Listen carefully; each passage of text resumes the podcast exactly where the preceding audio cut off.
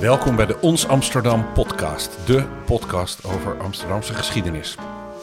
Al bijna 75 jaar schrijven wij in het tijdschrift Ons Amsterdam over het verleden van de stad in geuren en kleuren en nu gaan we er ook over praten. Dat vinden we leuk, want over die verhalen valt vaak nog veel meer te vertellen dan we in de pagina's van het blad kwijt kunnen. In deze aflevering gaan we terug naar het oorlogsjaar 1943. Naar de zomer waarin de volksbuurten in Amsterdam-Noord door de geallieerden werden gebombardeerd. Tegenover mij zit de historicus David Barnau, die over dit onderwerp schreef voor ons mijnummer. U kunt David Barnau kennen omdat hij ooit onderzoeker was bij het NIOT, een voorlichter van het NIOT, en zich de laatste uh, decennia veel heeft uitgelaten over de gebeurtenissen van de Tweede Wereldoorlog. En zeker de afgelopen tijd over die eh, documentaire waarin werd aangetoond wie Anne Frank nou eigenlijk verraden had. Welkom David.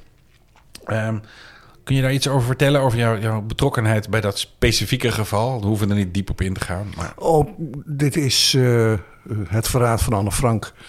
Uh, dit is, nou, ik denk het zesde boek wat over het verraad gaat. En ik, ik hou Anne Frank als uh, zij, nee, hoofdonderwerp. Ik hou alles bij wat er mee gebeurt. En dit, is, dit was een interessante case. Zeker vanwege de opwinding. Ja, ja, want jij was bijvoorbeeld redacteur bij de wetenschappelijke uitgave ja. van de dagboeken. Ja, ja, ik heb samen met Gerrit van der Stroom de wetenschappelijke uitgave gedaan. Een aantal hoofdstukken geschreven. En met name hoofdstukken wat er na de oorlog rond Anne gebeurd is. interesseren me veel meer. Het toneelstuk, de film, de aanval op de echtheid. En dat zijn dingen die gewoon doorlopen.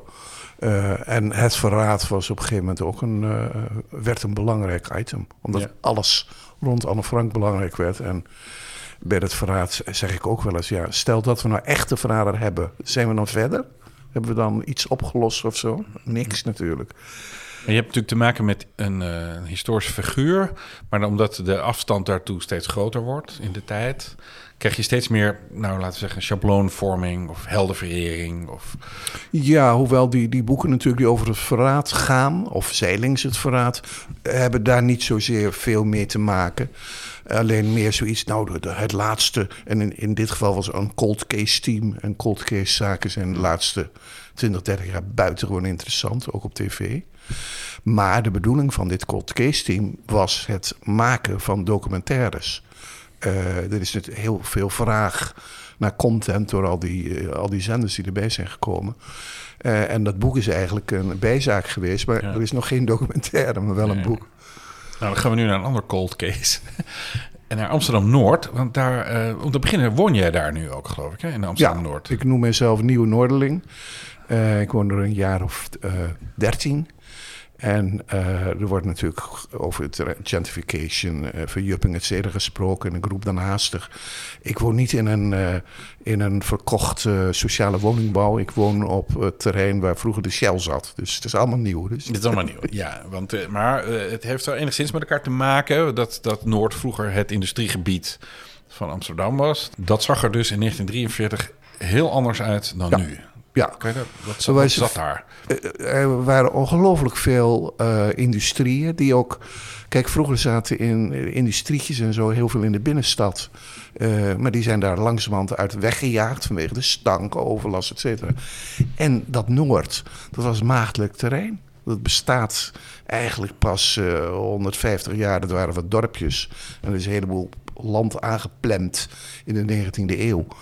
En daar komen dan werven en uh, Ketje was er. Uh, uh, ook allemaal hele vieze fabrieken. Nou, bijvoorbeeld de vuil, vuilverbranding. dat was maar lekker in Noord gestopt. Dus Noord kreeg eigenlijk al... Alle rotzooi gaat naar Noord. En tot nu toe zeggen ze dat nog ja. steeds. Zeg maar. Ja, als je, als je achter het Centraal Station zou staan in 1943 en dan die hele oever aan de overkant zou zien. Alleen maar industrieën. Alleen maar scheepswerven, de en NIM, SIM, uh, uh, Shell met ontzettend veel gebouwen. Mm. En overal, uh, hoe heet het, fabrieksschoorsstenen met vieze rook. Dus het was van, en, en heel veel werk. Want ja. vroeger waren, werkte in fabrieken natuurlijk, er was geen automatisering. Er, werkte zoveel, er waren ook, de Shell had aparte ponten voor zijn eigen personeel. En aparte wijken natuurlijk. Want, want, ja, uh, dat, dat, was, dat is eigenlijk omdat daar de uh, scheepsbouw kwam. Dat ze ook dachten, nou, we gaan daar wijken bouwen. vanuit een buitengewoon progressief idee, eigenlijk de, wat ze in Engeland ook deden, wijken buiten de grote steden, maar met veel groen. En als je een luchtfoto van Amsterdam ziet, en met name Noord, dan zie je ook ongelooflijk veel groen. Dus overal tussendoor. Heel veel tuinen. Tuindorpen, noemen Ja. dat. Ja, ja. Ja, en dat klopt. Die, die huisjes zijn natuurlijk klein. Maar een heleboel mensen die kwamen van zes hoog, nou, vier hoog achter de Jordaan, eh, vieze huisjes. Voor hun was het een heerlijk. Ja, enorme verbetering. Absolute Ja, verbetering, ja. Ja, ja. Maar in de tijd waar wij het nu over hebben... de- 43 was het, het, was een, het was arm, maar er werd gewerkt. En eh, eh, bijvoorbeeld het, ehm, het Hollandia Kattenburg, daar maakten ze jassen, eh, regenjassen, die goed tegen regen konden. Daar werkten allemaal Joodse meisjes die in Amsterdam woonden. Dus die kwamen elke dag met de pont daar naartoe en weer, weer terug. Ja. En ehm, waar wij het over hebben, of waar jij het had in je artikel, is dat in de oorlog die industrie in Noord doelwit werd van geallieerde bombardementen. Ja, maar eigenlijk heel laat. Ehm, als je nagaat dat daar... Die scheepswerven die hebben honderden schepen voor, voor, de, voor de Kriegsmarine gemaakt. Dus die eh, vliegtuigfabrieken hebben ook hartstikke veel gemaakt. Alles, zeg maar 90% van de industriële activiteiten in Nederland... was voor, voor de Duitsers. Dat, dat was allemaal kriegswichtig, eh, zou ik maar zeggen. Maar eh, je kunt ook zeggen, misschien alles ging gewoon door. Er was gewoon een Ja. nieuwe klant. Dat, dat klopt. Je hebt een mooi voorbeeld dat eh, hem weg, daar was een grote munitiefabriek. En de eh, directeur-eigenaar, ja, ik denk dat hij ook eigenaar was, roept zijn personeel bij elkaar een paar dagen na de Duitse inval. En zegt: Jongens, het is duidelijk eh, dat die wapens en die munitie gaan nu naar de Duitsers. Dus ik wil de zaak sluiten. Nou, dat vonden daar een slecht idee. Nee, ja, Die want, zouden werkloos zijn. Dus die, die zei: Ben jij maar gek? ja, want het, het- dat, dat vergeet je wel eens, dat de 1940 is- kort na de grote crisis van de jaren 30. Dus de meeste mensen zouden wel gek zijn om zomaar hun baan op te geven voor een goed doel. Ja, plus, plus het feit dat, eh, dat dat liep al voor de oorlog. eh, dat je een kans liep in Duitsland te moeten gaan werken. Nou, dan deed je hetzelfde. Of, of je nou voor de vijand in, in, in Duitsland werkt of voor de vijand in Nederland werkt. Dat maakte eigenlijk weinig uit. Ja.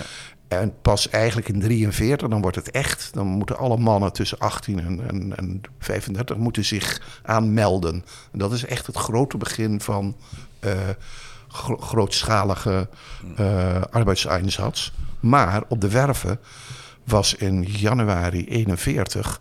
eh, waren ook al geruchten dat de Duitsers wilden een paar honderd van die mannen naar Hamburg sturen om daar te werken.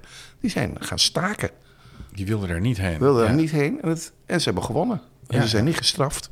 En En- dat is, Ja, dus, dus vandaar dat iedereen ijverig bleef werken. Ja. En die werven. En, en eh, ik kan me voorstellen dat je niet naar Duitsland wilde, want daar werden die fabrieken gebombardeerd. Ja.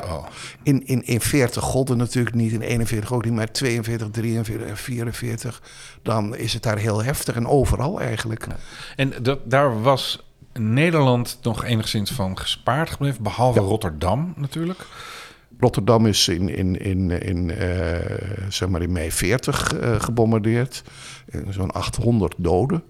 Eh, en, maar als je de hele oorlog bekijkt, en dat zijn dus door de Duitsers.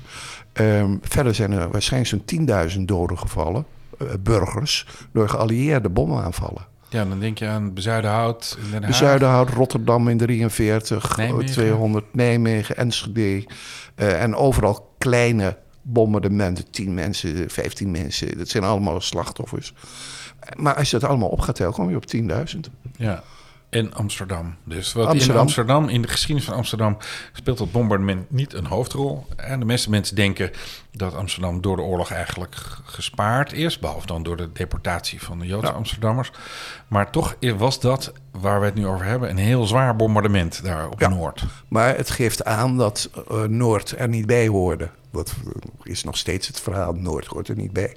Het is hetzelfde al als in Noord. Dus, Kijk, eh, bij de eh, Raamgracht is in mei 40 zijn, ik geloof, 40 doden gevallen. Bij, ik geloof een Blauwburgwal. Blauwburgwal. Ja. Dat is ook een hoop.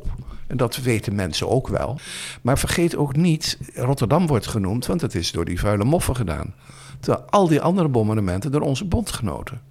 Nou, dat, dat, dat is dubbel. Ja. En daarom werd het nog steeds eigenlijk vergisbombardement. Dan, dan praat je ze een beetje schoon. Ja, dat is Ah, een punt dat jij maakt hè, in, Ja. het, in, het, in je artikel. Dat je moet eigenlijk een ander woord voor bedenken. Zoiets van doelbewust vergist of zo. Of, eh, Nee, het is niet het is fout, fout gegooid. Fout. Misgegooid. Ja, misgegooid. Nou, laten we het dan even specifiek over Noord hebben. Het, doelwit was, waren de fokkerfabrieken. Ja, fokkerfabrieken, en dat is buitengewoon interessant. In de Eerste Wereldoorlog zaten die in Duitsland en werkten voor de Duitse Luftwaffe. Eh, Duitsland verliest de oorlog en Fokker, Nederlands, eh, die eh, gaat haastig met honderden treinwagons een hele fabriek naar Nederland overbrengen. En hier werkt hij voor, voor Nederland. Maar ja, zodra de Duitsers zijn, moet hij weer voor de Duitsers werken. En vliegtuigen zijn buitengewoon kriegswichtig. Maakten ze, ze maakten ze oorlogsvliegtuigen? Eh, dat, nee, zweefvliegtuigen en oefenvliegtuigen. Maar het maakt niet uit. Het, eh, elk, eh, in, in een oorlog, zeg maar, tandenborstels zijn voor een eh, soldaat ook belangrijk. Ja. Eh, maar je kan zeggen, ze hebben helemaal in het begin is hij één keer geraakt. Maar ja, en toen is het heel lang stilgebleven, tot 43. Maar maakte die fabriek zich niet zorgen? Eigenlijk hebben ze niet voorbereid. Ze snapten toch wel dat het Ja hoor, dat, absoluut. En ze hadden ook heel klunzig op, op de daken hadden ze huisjes neergezet en boompjes geplant. De foto's zien er echt heel knullig uit. Maar ik kan me voorstellen, vanuit de lucht gezien, als je hard vliegt, dat je... Maar ja, dan denk je toch, wat doet dat boompje daar op dat huis? En dat, dat bombardement, dat is mislukt, zeg maar. En, ja, eh, het eerste is zeker mislukt. dat gebeurt door de Amerikanen, hè? Amerikaanse vliegtuigen. Eh, ik dacht Engels, ik ben er nooit... Engels of Amerikanen, nou, Engels. maakt niet uit. Ja. En dat is begin juni- midden juli. Dat is de, het eerste bombardement met de meeste doden en met het minste resultaat. Dan kan je ook zeggen, het doden van arbeiders hoort ook bij oorlog.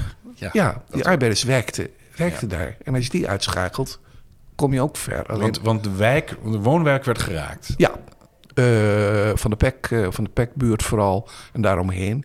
En eh, het, het, het bedrijf zelf nauwelijks. Nou, de, de, de, kerk, de, de, een doktershuis, het politiebureau, eigenlijk van alles wat daar was. En delen zijn natuurlijk niet compleet verwoest, maar soms als, als, als er drie huizen kapot zijn, het vierde huis wordt dan bij, bij het sloop meegenomen, zeg maar, Ja, terwijl ja. die nog wel heel was. Je noemt de school. We hebben een heel frappant eh, eh, segment. Dat gaan we zo laten horen. Meneer Sauerbrei uit Noord. eh, die dat ons heeft verteld. Omdat wij ons nummer besteden aan dat jaar. en Aan die bombardementen. Nou, meneer Sauerbrei woonde met zijn familie op de Kamperfoelieweg. En eh, zijn vader werkte in de fokkerfabriek. En op de dag waar we het over hebben, besloot hij, hij was zes jaar oud, niet naar school te gaan. Er kwam altijd een rijtje langs van eh, de juf die de kinderen naar school bracht. En hij besloot daar niet in mee te gaan en te gaan spijbelen. Eh, hij zat op de Rooms-Katholieke eh, Sint-Rosa school. Nou, we zullen eens even luisteren naar hoe hij dat bombardement heeft ervaren. Als kind zijnde moest ik altijd dus naar school, en zoals de meeste kinderen. En mijn moeder die zou me brengen, maar ik had eigenlijk geen zin. Het was mooi weer en ik voelde me niet lekker. Dus ik ging op tafel zitten en er lag een grote schaar en ik knipte mijn sokken stuk. Ik zei, maar ik kan niet naar school hoor, want mijn sokken zijn stuk. Daar, pak ik een andere sokken. Dus ik leg andere sokken aan. En mijn moeder bracht me dus naar het ophaalpunt van de school. Oké. Dan kwam het rijtje aan en mijn moeder weg. En toen dacht ik, wegwezen. Om de hoek was een peperbus en daar ben ik achter gestaan. En ik dacht, nou, als het rijtje voorbij is, dan ga ik eh, naar de buiksloot. En eh, het was lekker weer. En dat was altijd helder water. En dan ging ik mijn opa ging ik altijd heen om eh, visjes te vangen. En toen kwam dus die, eh, de gelegenheid om dus er weg te gaan. Ik zag ze in de verte verdwijnen. Dus ik ging eh, achter de bus vandaan, achter de peperbus. En ik ging dus lopend naar de buiksloot. Is maar een klein stukje lopen. Maar zag mijn grootmoeder me weer, want die woonde op de Korenbloemstraat. En die zegt, ja, je moet toch naar school hoor. Maar tegelijkertijd dat ze me pakte, ging het luchtalarm. En ze nam me mee eh, en, en met allemaal mensen om ons heen die daar uh, ook uh, gingen vluchten. En dan gingen we dus naar de weilanden achter de buiksloot. En we gingen aan de kant van de sloot, gingen we dus in, net tegen de helling aan, gingen we dus duiken voor het, uh, het. En dan zagen we dus die vliegtuigen gaan. En dan zag je allemaal kleine spatjes rook zag je gaan. En ik zeg, kijk, ze schieten. En daar ging een vliegtuig naar beneden. Die was getroffen. En er ging nog een vliegtuig naar beneden. En toen het voorbij was, toen zei mijn grootmoeder, nou laten we nu maar naar huis gaan. Dus wie bracht me weer naar de kamperfoelie weg. Toen kwam ik thuis. En uh, mijn moeder deed de deur open. Ik zei, ja, ik moet nou naar de wc hoor. En dus ik holle naar de wc. En ik uh, doe de deur open. En ik kom in de wc.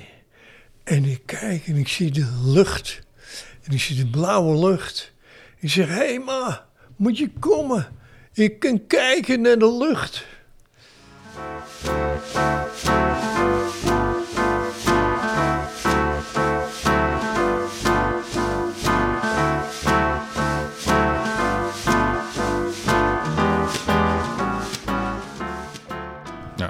Huis van Henk Sauerbrei was dus voor een deel vernield. En, uh, en zijn school was ook getroffen. En daar moest het gezin verhuizen. Hij werd ondergebracht in leegstaande huizen in de Transvaalbuurt. Waar dus Joden uit waren gedeporteerd. Ja, en dat kunnen Joden geweest zijn die in de Hollandia Kattenburg gewerkt hebben. En die zijn in 42 daar allemaal weggehaald.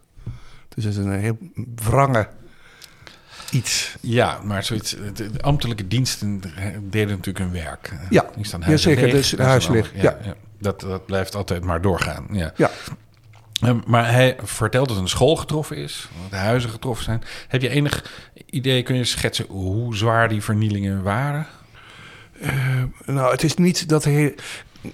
Het probleem is natuurlijk, als je het over het bombardement van Rotterdam hebt, dat mensen zeggen: Rotterdam is plat gegooid niets is minder waar. Het is een klein deel van de binnenstad. Dat is, en de foto's die je ziet, dat zijn vooral foto's van een half jaar later. En dan zie je kale vlaktes. Ja, daar hebben ze alles ook meegenomen. Wat uh, hetzelfde geldt voor, uh, voor Berlijn. Ik heb een keer uh, flinke ruzie gehad met een hoogleraar fotokunde. ik vertelde, ik zei tegen hem: ja, al die fotografen in de na de oorlog, die moeten thuiskomen met plaatjes van ruïnes. En niet met plaatjes van huizen die er nog zijn. Nou, dat vond hij belachelijke onzin van. Ik zei, er wonen nog honderdduizenden mensen in Berlijn. En een deel wonen gewoon in wijken die getroffen waren. Wij zien alleen de meest extreme dingen natuurlijk. Ook nu hoor. Het, uh, maar hoe zwaar was het in Noord? Of, op dat geval voor die mensen zwaar. Er zijn honderden huizen uh, vernield. 200 doden. Um, maar bij sommige plekken in de Van de, van de Pekstraat, van de Pekbuurt... die nu net een, de prijs gekregen heeft voor de uh, beste architectuur. Ja, ja. Opknappen. Daar kan je het soms heel goed zien. Dat sommige huizen die zijn prachtig, helemaal zoals het hoort. En dan zit er opeens een huis op een hoek. Ja, een beetje grover. Dat is, en dat is duidelijk na de oorlog. ja, er zijn sommige details niet, niet meegenomen of niet teruggekeerd. Nee, ja, niet terug. gaan zien. Ja, en, en sommige plekken, daar zijn uh, uh, in de jaren 50 uh, echt Engels beton huizen neergezet. Hmm. Daar zie je het meteen. Heel, dat is een hele... Maar dat wil niet zeggen dat al die huizen kapot geweest zijn. Misschien waren er maar zes kapot. En er stonden er tien. Oké, okay, dan gaan we het helemaal doen. Ja. Dus het is altijd heel moeilijk om, om dat echt vast te stellen. Ja, de, wederopbouw of de herstel begon vaak al in de oorlog natuurlijk. Ja, maar um, er, was een, er was een bouwstop eigenlijk. Uh, al, al, het materiaal moest gebruikt worden voor de Atlantikwal. Dus het was heel lastig om materiaal te krijgen. Dus dat, dat daarom, kijk, al die mensen die gingen inderdaad ergens anders wonen. Dus dan is er niet zo'n haast bij om het, uh, het meeste uh, reparatiewerk is na de oorlog uh, verricht. En ondertussen stond de fabriek er dus nog? Ja. Die was nauwelijks getroffen? Nauwelijks getroffen. En wat je heel vaak eh, ziet eh, dat er heel snel daarna weer een bombardement komt. Want een van de laatste vliegtuigen maakt altijd foto's. Nou, die foto's worden geanalyseerd. En dan zeggen ze in Londen, verdomme, dat ding staat er nog. Hup, Ja, tweede, tweede beurt. tweede beurt. En die was nog minder gelukkig dan de eerste. Ehm, nee, de derde was geloof ik De nog. derde, De derde de was tweede- twee tweede waren Engelsen. En ik ga je zeggen, de eerste waren Amerikanen inderdaad. En dit was hun eerste bombardementsvlucht in Europa. Dus je kan ook denken van, nou, die konden toch niet zo goed. En die waren ook gewend van grote hoogte te gooien. Wat voor, voor mikken heel slecht is. De Engelsen waren beter getraind. Die kwamen lager binnen. Dus die hebben veel meer vernield. En toen hebben ze nog een derde zijn de Fransen gekomen. Die wel voor de Royal Air Force werken, maar Franse piloten. En daar eh, waren de Duitsers, wisten geen dat het op de Fokkerfabriek gericht was. Zo slecht werd er, eh, werd er gegooid. Maar dat eerste bombardement heeft, heeft het zwaarst voor de bevolking getroffen. Het tweede heeft eh, Fokker eigenlijk uitgeschakeld. Eh, en na het derde, toen heeft, hebben de Duitsers besloten... nou, we gaan daar verder geen, eh, niks meer doen. Want je weet nooit of de dag daarna weer wat komt. Het is eigenlijk van, van vergisbombardement in Noord heet nu Friendly Fire. Maar ik denk dat een heleboel Noorderlingen houden nog steeds vergisbombardement. Want je gaat hier... en, en dat laat zich zien toen op een gegeven moment... eh, er zijn massagraven gemaakt in het, eh in het Noorderbegraafplaats. En na een paar jaar is er ook een gedenkteken gemaakt. En bij de onthulling daarvan ehm, kwamen ook vertegenwoordigers van de Fokkerfabriek. De oude Fokkerfabriek. En die waren bang dat ze uitgescholden zouden worden. Want dankzij jullie heb ik mijn familie verloren. Maar dat bleek niet zo te zijn. Want die mensen die hadden natuurlijk best door dat, dat, dat ze daar niks aan konden doen. Mm, Ja, Het, eh, ja. Ehm, je zei net dat er eh, eh, na de oorlog al een gedenkteken is opgericht. Ja. Maar hoe is dat bombardement gaan voortleven in de naoorlogse geschiedenis? Nou, op dezelfde manier als de hele oorlog. herdenking van de oorlog is pas laat in gang gezet. Iets als de jodenvervolging was ook geen groot item. Zeg maar, de jaren 50 is een, is een heel ander deel dan de jaren 60. En dat geldt ook voor, voor dit soort. eh, zeg maar, vlak na de oorlog is er een hoos aan, eh, aan herdenkingstekens. En dan gaat het weer een beetje liggen. En dan, dat gaat echt in golven. En dat zie je, zie je in Noord ook. En zitten wij nu op zo'n golf? Er zijn de afgelopen jaren weer ongelooflijk veel extra. hoe heet het? Monumenten bijgekomen. Ja. In plaats van dat ze een aantal van die oude monumenten een beetje opknappen. Want het monument wordt neergezet en wordt er, niemand kijkt er meer naar om. ja, zelfs de monumenten worden vergeten. Ja. Ja, Dankjewel David Barnau voor je eh, interessante commentaar. Ehm, dit was de Ons Amsterdam podcast. Bedankt voor het luisteren. Meer over het bombardement op Amsterdam Noord in het eh mijnummer van Ons Amsterdam. Eh, wilt u meer Amsterdamse verhalen? Kijk dan op onsamsterdam.nl. Volg ons op Facebook of Instagram of abonneer u op deze podcast. Reageren of vragen stellen kan ook via redactie.onsamsterdam.nl. Deze aflevering maakte ik samen met Tessel Dekker en de muziek werd gemaakt door Sjaak Dauma. Tot de volgende keer.